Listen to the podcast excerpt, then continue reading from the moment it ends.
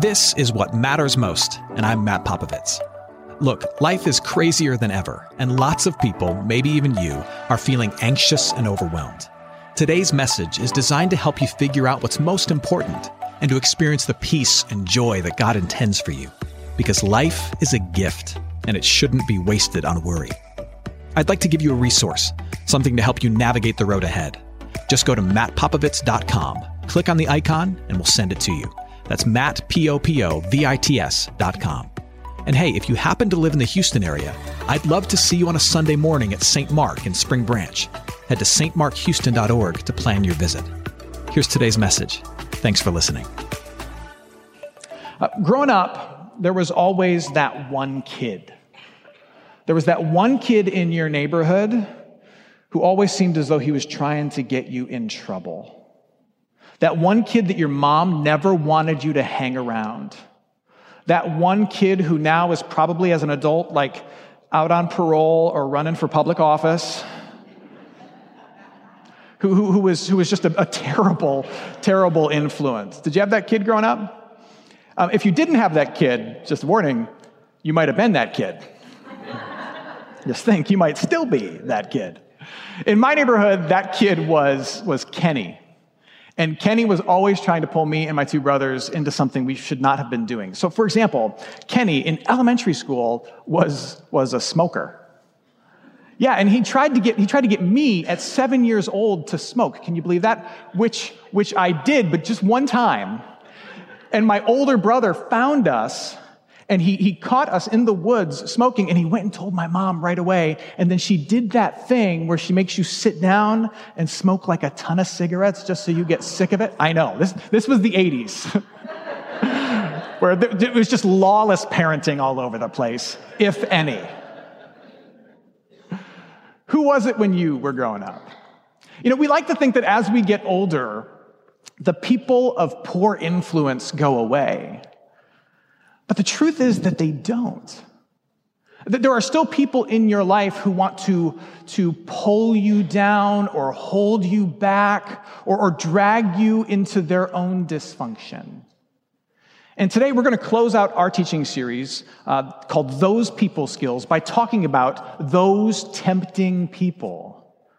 Th- those people in your life who, when you spend time with them, you are you are the worst version of yourself. Or you are tempted to dive into or to indulge in something that would make you a worse version of yourself, the person God has not created you to be or long for you to become. That's what we're going to talk about. And here's the first thing you need to know about those tempting people. That, that tempting person in your life who's always trying to bring out the worst in you, what they're really trying to do is they're trying to share their shame. They're trying to share their shame. Uh, you've heard the phrase misery loves company. Well, guilt and shame loves company even more. You see this in, in, the first few chapters of the Christian scriptures. You see Satan depicted as a serpent, uh, and Satan has been booted out of God's family. He's been kicked out of God's kingdom for his own rebellion. And what does he try to do? He shows up in the garden and he, he drags Eve into his shame and into his rebellion. And then Eve drags Adam into her shame and into her rebellion. The people in your life who, who try to bring out the worst in you, who try to drag you down, who try to tempt you, who know all your soft spots and try to hit you in those soft spots, uh, those people will often play themselves off as being more enlightened. Hey, man, this is just what the world is doing today. Or they'll try to tell you that they are, and you can be, above the implications of this sordid behavior. But you're not. And the truth is that uh, the tempting person is not enlightened or exempt from the implications. They're just feeling guilty. Guilty for the choices that they've made. They have shame, shame that they're trying to deal with in their own heart. And rather than deal with it and confront it, it's easier to justify it and pull somebody else into it. Paul talks about this in 1 Corinthians chapter 15, verse 33. He, he talks about the influence of, of corrupting people upon your life, and he, he makes this point that, that if you allow these people undue influence in your life, it will have an impact on you. It will change you and not for the better. 1 Corinthians chapter 15, he says this Do not be deceived. Bad company ruins good morals. Have you heard that phrase before? That's where it comes from. It comes from the scriptures. Bad company ruins good morals. Now, you may not be fully aware that there is this type of person in your life. But, but if this person is in your life, there are always signs that you can look out for to see whether or not you have a toxic and tempting person in your life. Uh, here are some of the signs. There is a season in your life where there's a particular person in your life, and it just so happens that during that season with this person, your faith is frustrated and your relationship with God is strained. Another sign is that there's a person in your life who causes strife and upsets all of the other really important relationships in your life. If any of those things are true, it may be that you have like a tempting, toxic person in your life who is, who is pulling you down into the stuff that they're stuck in. Now, the question is, what do we do if we have one of those people in our life? The scriptures, when they talk about the presence of like tempting and toxic people, the, the scriptures are really clear. The scriptures say that, that you, should, you should take severe action in the presence of tempting and toxic people. I mean, the, best example of that is what Jesus said to us earlier in the reading. I want to highlight some of these things because this is some really vivid, really, really strong language of Jesus. Mark chapter 9. So Jesus is talking about children, but then he's also talking about people whose faith is easily influenced by the actions of others. That's what he means by little ones, people whose, whose faith and heart are fragile.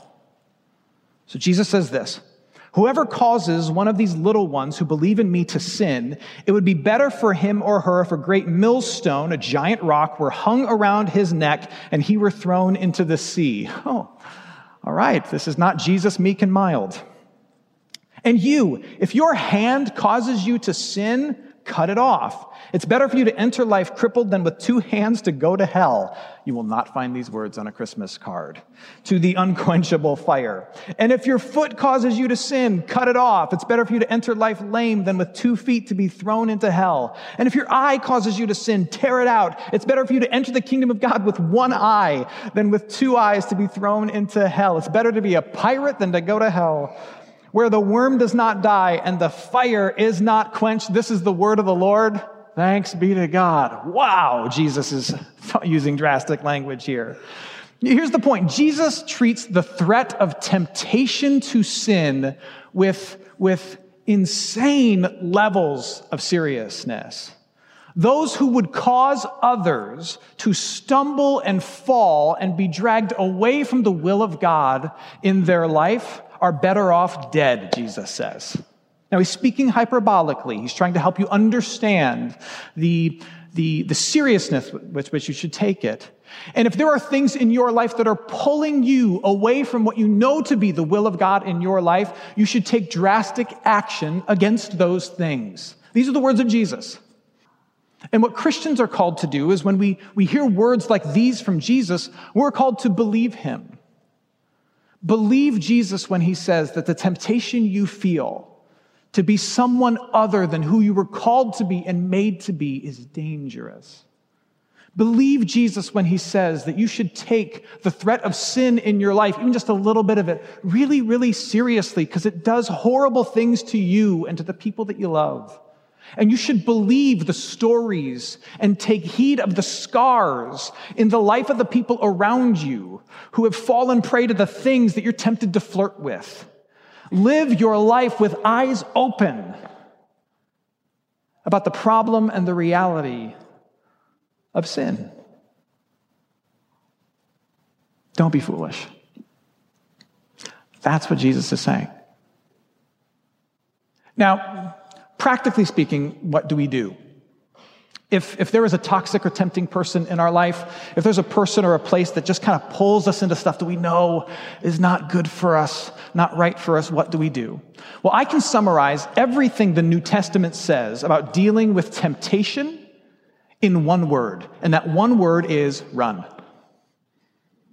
And quite literally, that's what it says in the New Testament. It doesn't mean figuratively, it doesn't mean literally like run. It's speaking again kind of hyperbolically, figuratively. It's saying that you should take drastic action to move away from that thing. Paul talks about this with Timothy, this, this pastor in training, so to speak, that he's raising up. And he talks about the need for Timothy as a pastor, but also the people that, that Timothy is gathering around him as a pastor to understand the need to be wary of and responsible in light of sin and temptation. And he uses some interesting language, but I think it's really powerful. So this is in 2 Timothy, 2 Timothy chapter 2. Um, Paul says this Now, in a great house, there are not only vessels of gold and silver, but also of wood and clay Paul is saying some for honorable use, some for dishonorable. Therefore, if anyone cleanses himself from what is dishonorable, he will be a vessel for honorable use, set apart as holy, useful to the master of the house, ready for every good work. So flee youthful passions and pursue righteousness. Paul says this Some pots in a house are latrines. Some pots are used for cooking Thanksgiving dinner. As careful as you would be in your home of not mixing the two, be careful in your life. As careful as you would be not to mix the china with the chamber pot. You should be careful about not letting some of this temptation into your life. Be as careful in your living. You should run. The obvious then follow up question is this well, if I run from it, then what do I run toward? So, so if I'm if I'm seeing and feeling sin and temptation and I want to just like drop it like it's hot and run in the other direction, like where do I run? What do I go to? Excellent question. And, and this is an easier question to answer like when you're really young.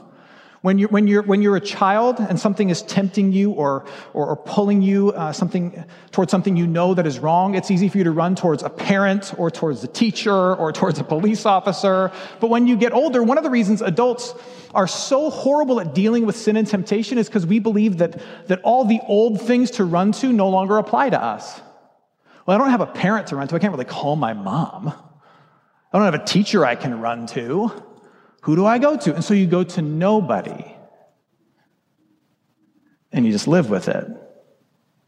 And then it bites you. Hey, friends, it's Matt. If you're listening to us in Houston and you're looking for an excellent education in a Christian setting for your student, I'm inviting you to take a tour of St. Mark Lutheran School in Spring Branch. We serve infants through eighth grade with an excellent faculty, brand new facilities, and a faith forward curriculum. To schedule your tour, head to gostmark.org. That's G O S T M A R K dot org to schedule your tour today. St. Mark Lutheran School. It's excellent education for your son, your daughter, your little one. Now, back to today's message. And, and now we're going to jump to the book of Hebrews, deep in the New Testament. Hebrews chapter 4 says this We do not have a high priest, referencing Jesus, who, who is unable to sympathize with our weaknesses, but one who in every respect has been tempted as we are. I'm going to repeat that. Jesus, in every respect, has been tempted as we are, yet without sin.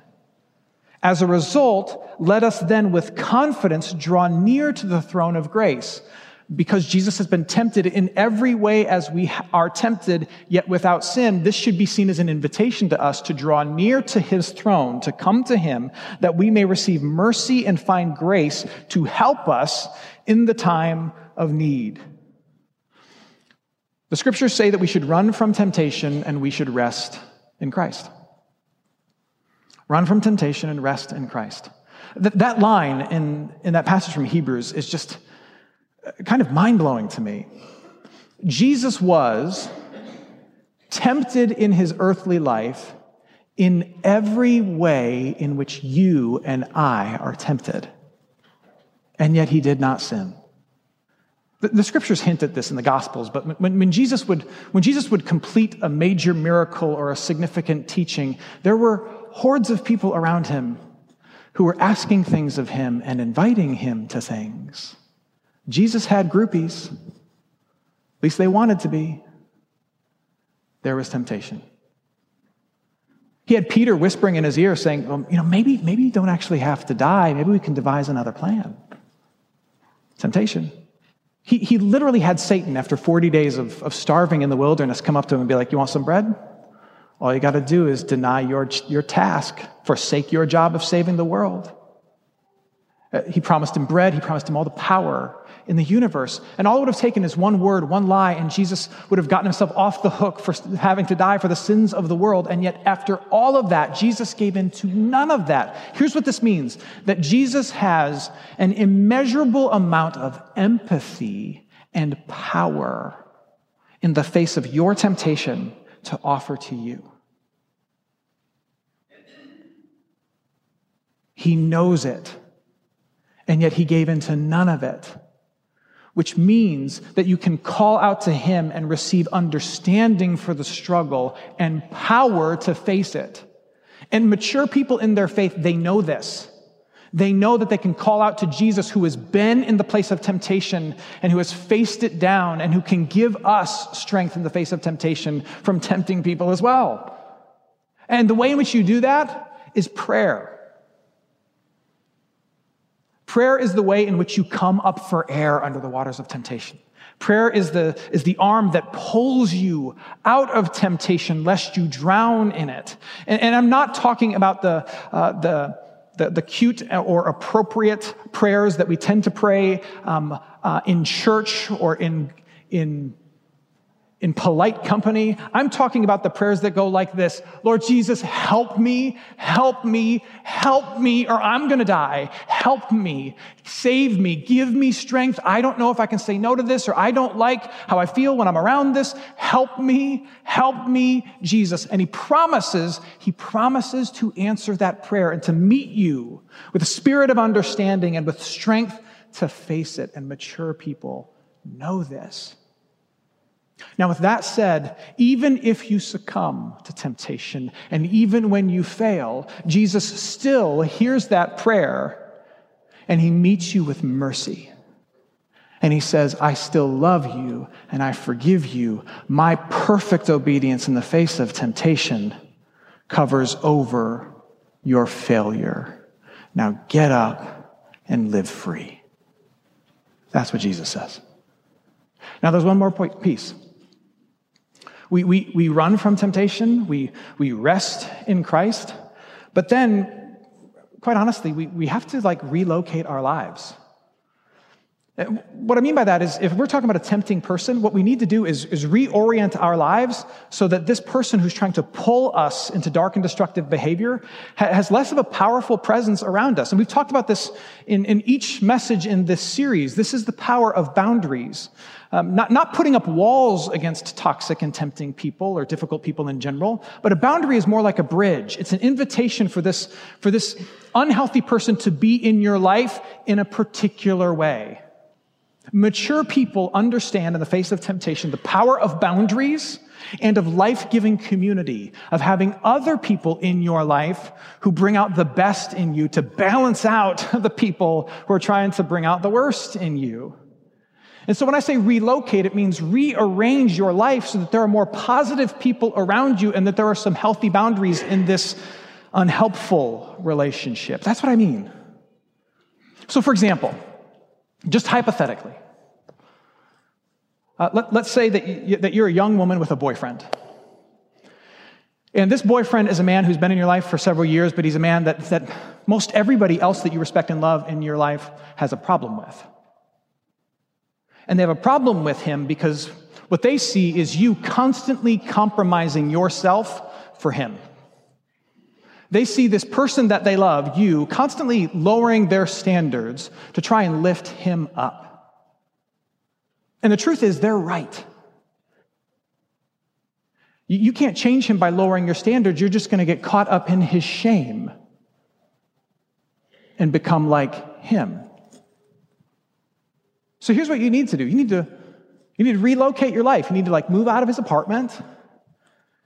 You need to surround yourself with people who, who share your beliefs. You need to put up some boundaries in that relationship that align with, with the things you believe and the values that you have. And taking that drastic action, it may cause him to wake up. It may cause him to wake up and be like, I am totally wrong, but it may not. And if it doesn't, that's okay.